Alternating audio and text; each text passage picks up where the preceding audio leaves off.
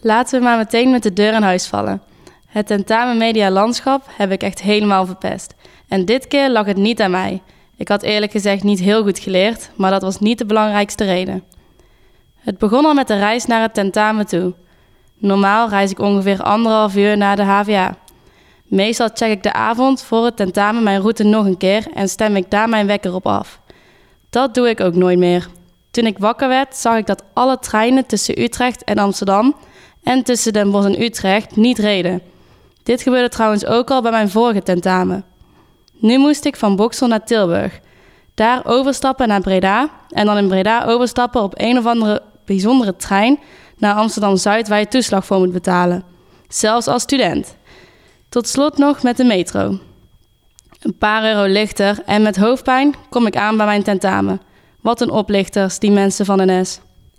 Het tentamen begon en ik kwam erachter dat ik de helft niet begreep. Zo werden ineens jaartallen gevraagd. Die wist ik allemaal niet. Het enige jaartal dat ik weet is wanneer Sky Radio toetrad op de markt. Misschien vinden docenten de komst van Sky Radio niet zo belangrijk, omdat het niet werd gevraagd op het tentamen. Zo zei mijn docent: Sky Radio is eigenlijk voor vrouwen die de hele dag staan te strijken en dan een achtergrondmuziekje willen horen. Ik ben dan wel geen suffe huisvrouw, maar ik hou wel van deze zender.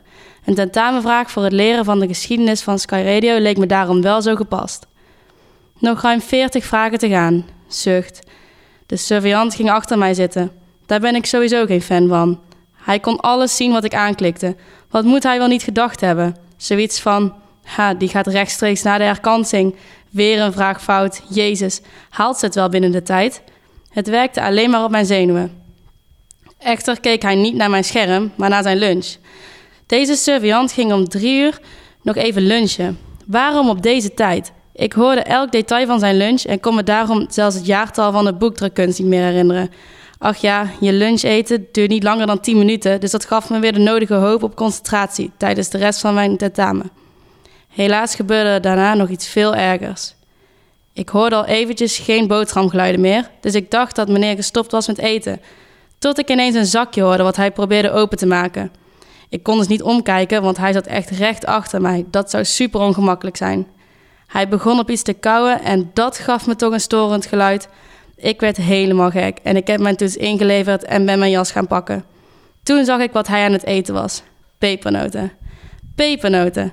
Als het nou echt de tijd rondom Sinterklaas was, dan snap ik dat je het niet kunt laten om er een paar op te smikkelen.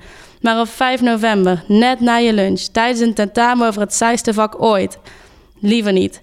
Mijn flesje water mocht niet eens op mijn tafeltje staan. Laat die pepernoten dan ook gewoon thuis.